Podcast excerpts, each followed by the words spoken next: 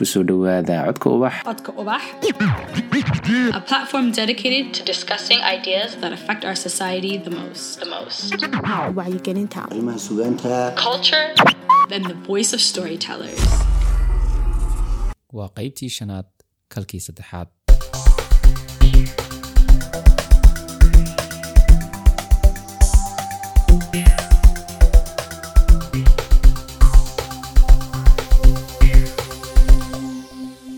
sheekadan soo socota waxa ay ka mid ahayd taxanihii qoraalka ahaa ee aan ku baahin jiray facebooka soona bilowday sannadkii labada kun iyo lix iyo tobankii.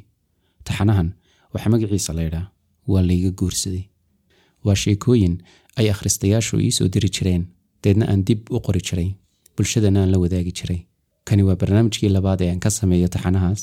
Barnaamijkii kan ka horreeyey waxa uu baxay sannadkii hore kalkii labaad ama two barnaamijkan maantana waxaynu ku soo qaadanaynaa. Mid ka mid ah sheekooyinkii taxanahaas ku jiray dhegaysi wacan. Wiil dhallinyara ayaan ahaa. Wakhtigiisa qaadanaya nin wax badani hoos marayaan balse isu haysta inuu wax kasta og yahay. Wax badan ayaan mooganaa iyada ayaan mooganaa saaxiibkay iyada walaalkeed ayaanu aad isugu dhoweyn. Gurigooda ayaan iman jiray mar kasta halkaas ayaan ku caweyn jiray. Hablaha guriga jooga ismaanu arki jirin. Annamaan danaynayn. Ixtiraam iyo xishood ayaan ku joogay. Habeen aan reerka howl u qabanayay ayaan ku raagay guriga. Hooyadood oo aad ii jeclayd ayaa iga codsatay inaan inamada la seexdo maadaama ay wakhti dambe noqotay. Sidii ayaan yeelay. In rag hortii la ikicin doono maan ogeyn. Qiyaastii saddexdii habeennimo ayaa la itoosiyey qof aanan garanayn oo i dul taagan ayay ishaydu qabatay inaan riyoonayo ayaan moodayey qofkii uu tegi waayey. Waxaan arkay inay tahay gabadhii shaqaalaha guriga ka ahayd. Waan yaabay waan istaagay way horkacday guriga oo fooq ah ayay xaggiisa sare i saartay. Waxba ma weydiin karo. Waa lagu maqli ayaan is leeyahay waanan baqayaa hadallo ayay igu sii tuurtay. Miyaad indhalaadahay ma nacas baa tahay waar. Inanta ku jecel ee maalin oo dhan sidaa ku eegaysa miyaanad arkin? Soo soco waxaa halkaasii joogta sahra. Markii ay aragtay ayay ilmaysay. Aqoon hore nagama dhexayso dhan aan u qaadanaa ma garanayo. Af soomaaligu wuu ku adag yahay. Ana af carabiga aad uma aqaano. Way ooyeysaa ilaa hadda waxaan ka shakisanahay in lay dardaray. Maxaa dhacay walaal? Ayaan ku go'ay.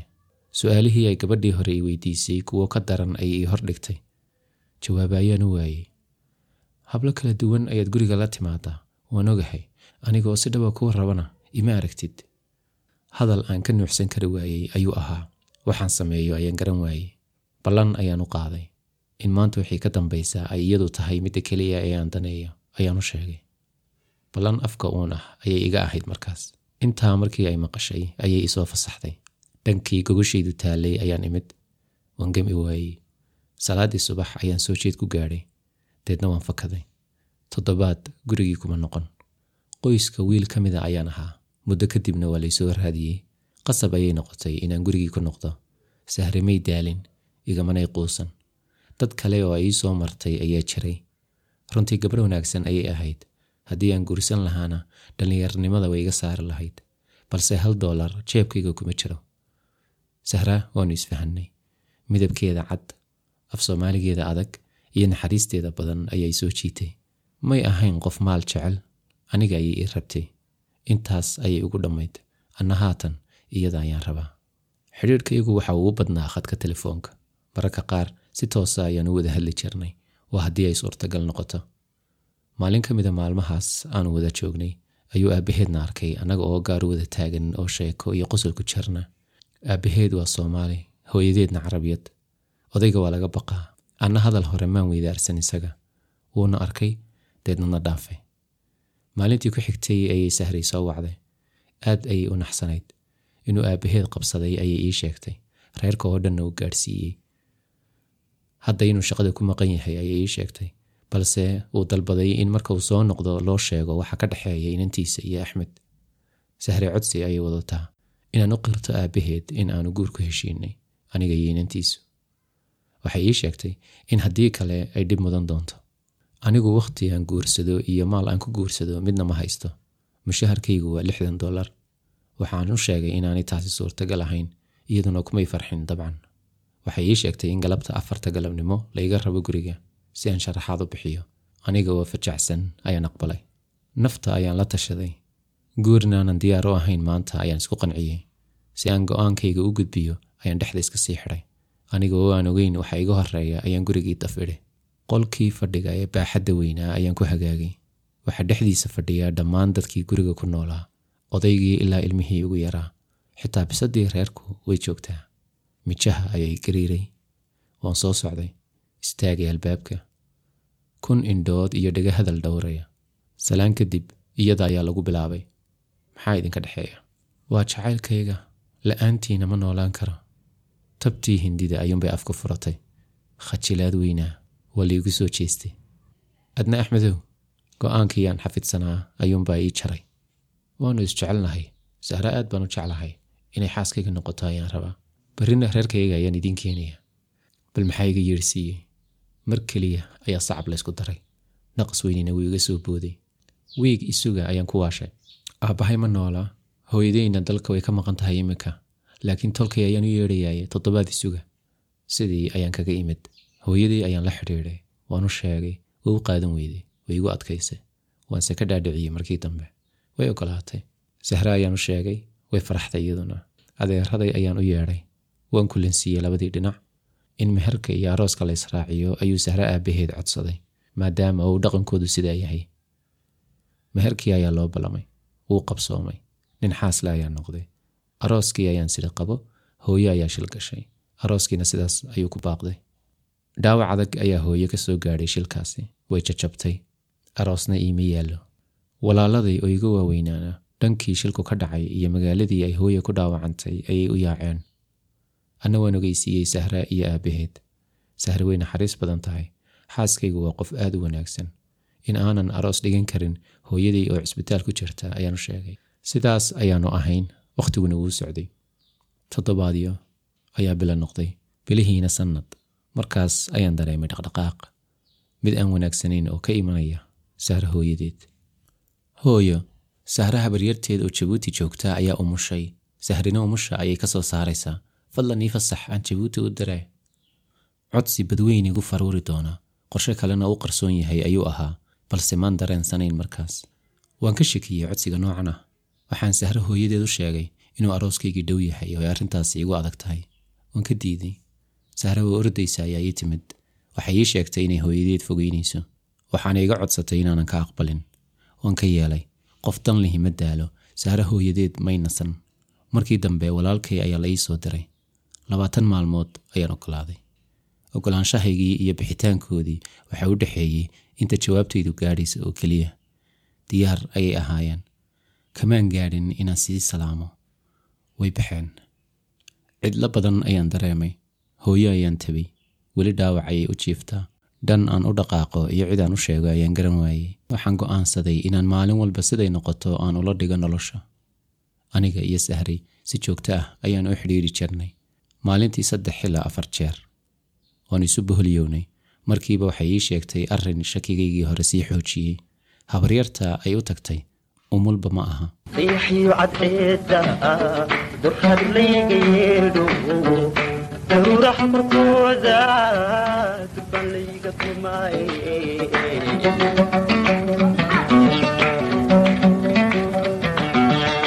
Dariiqan kalaabkada dabaylih jacaylka igu soo degaayo dirisaanu noqone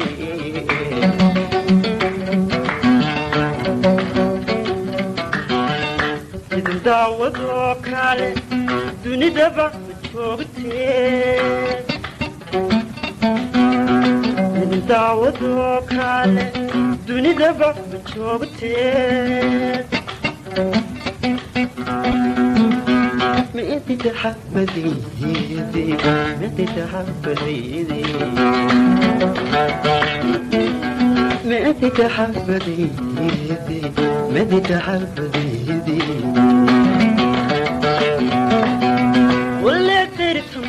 دعوتها دعوتها حلمي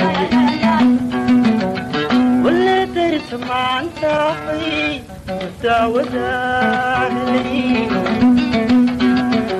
أما سندالة يوم صحي دعوتها قلبي أما سندالة يوم صحي دعوتها قلبي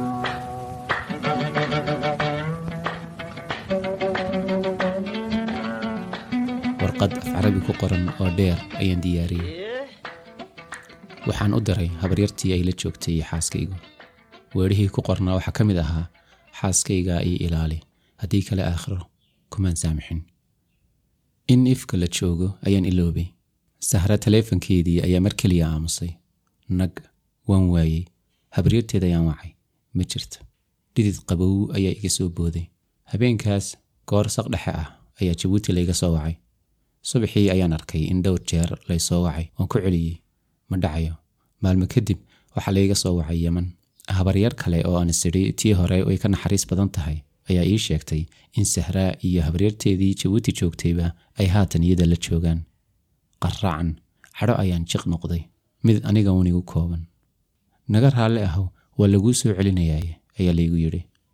Qasab ayaan isku qaboojiyey in layga xoog badan yahay ayaan aqoonsaday bal haatan xidhiidhka uun xooji ayaan nafta ku sasabay si joogto ah ayaanu la hadli jiray sahraa habaryarteed tii yeman sii joogtay iyada ayaa taleefanka iigu geyn jirtay sahraa sidaas ayaanu ahayn shan iyo konton maalmood ilaa maalintii lix iyo kontonaad oo ay habaryarteedii soo wacday halow xaaskaagii nin ayaa qasab loogu meherinayaa jidhka ayuu olol iga baxay hawada ayaa igu yaraatay meeli qaadana waan waayey dhan qura ayaanu dhaqaaqi karaa dhankii gurigooda.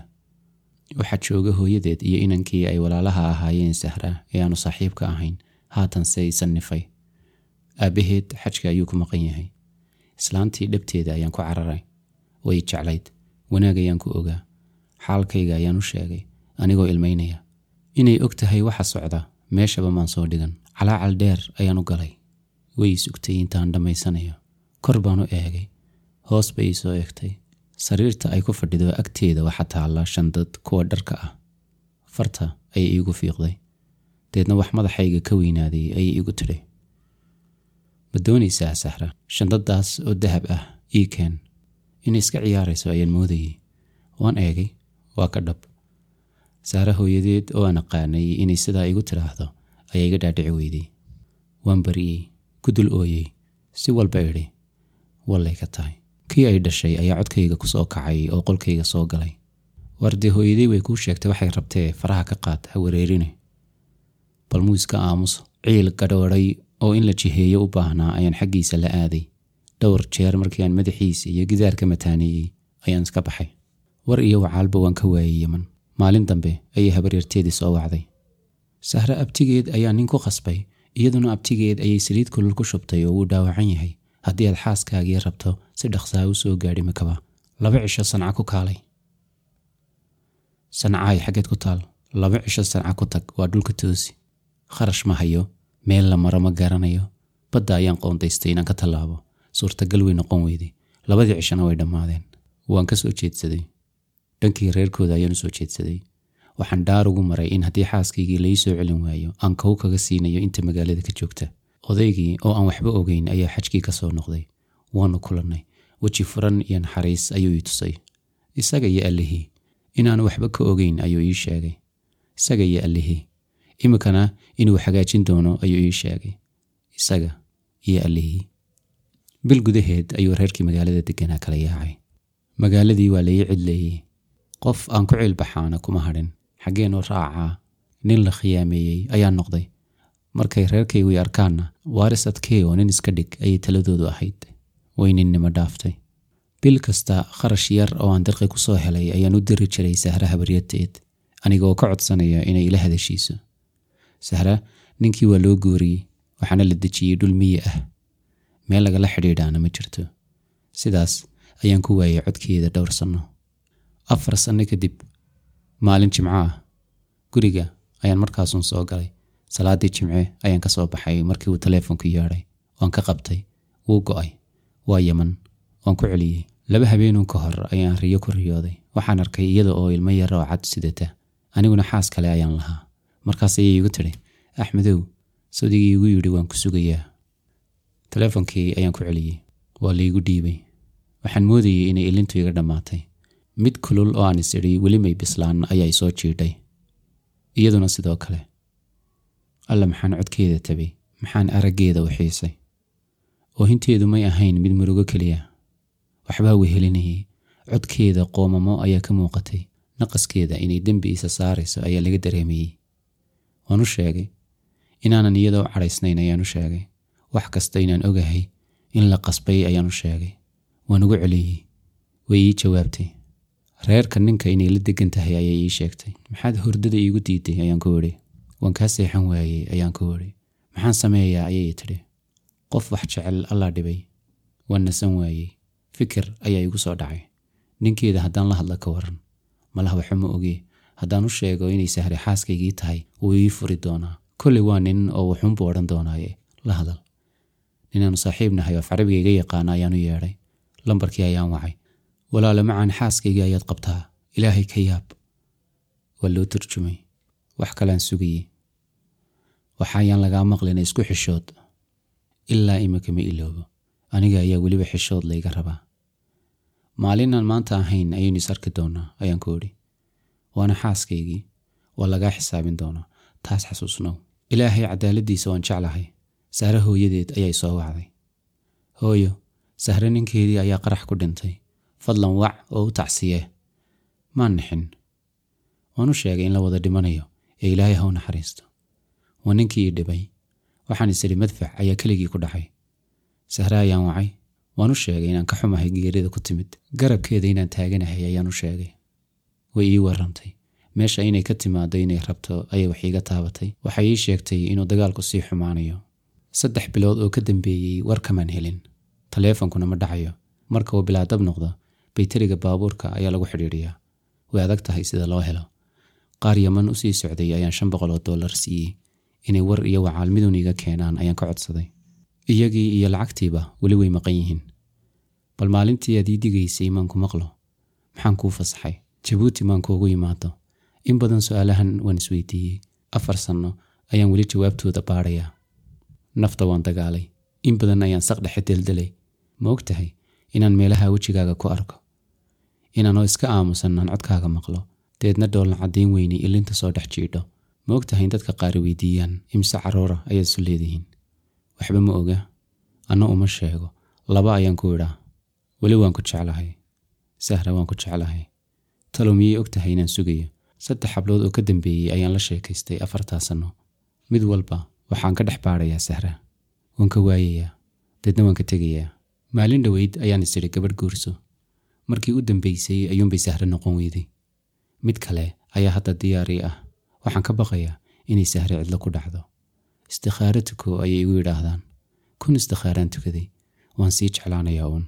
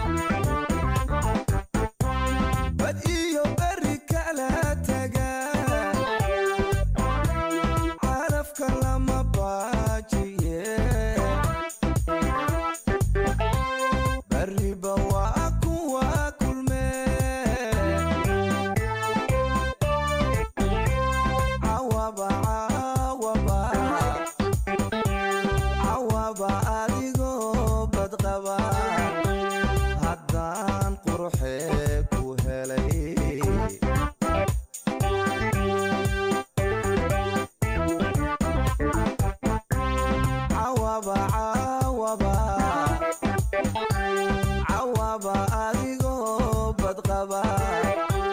Haddaan baxsane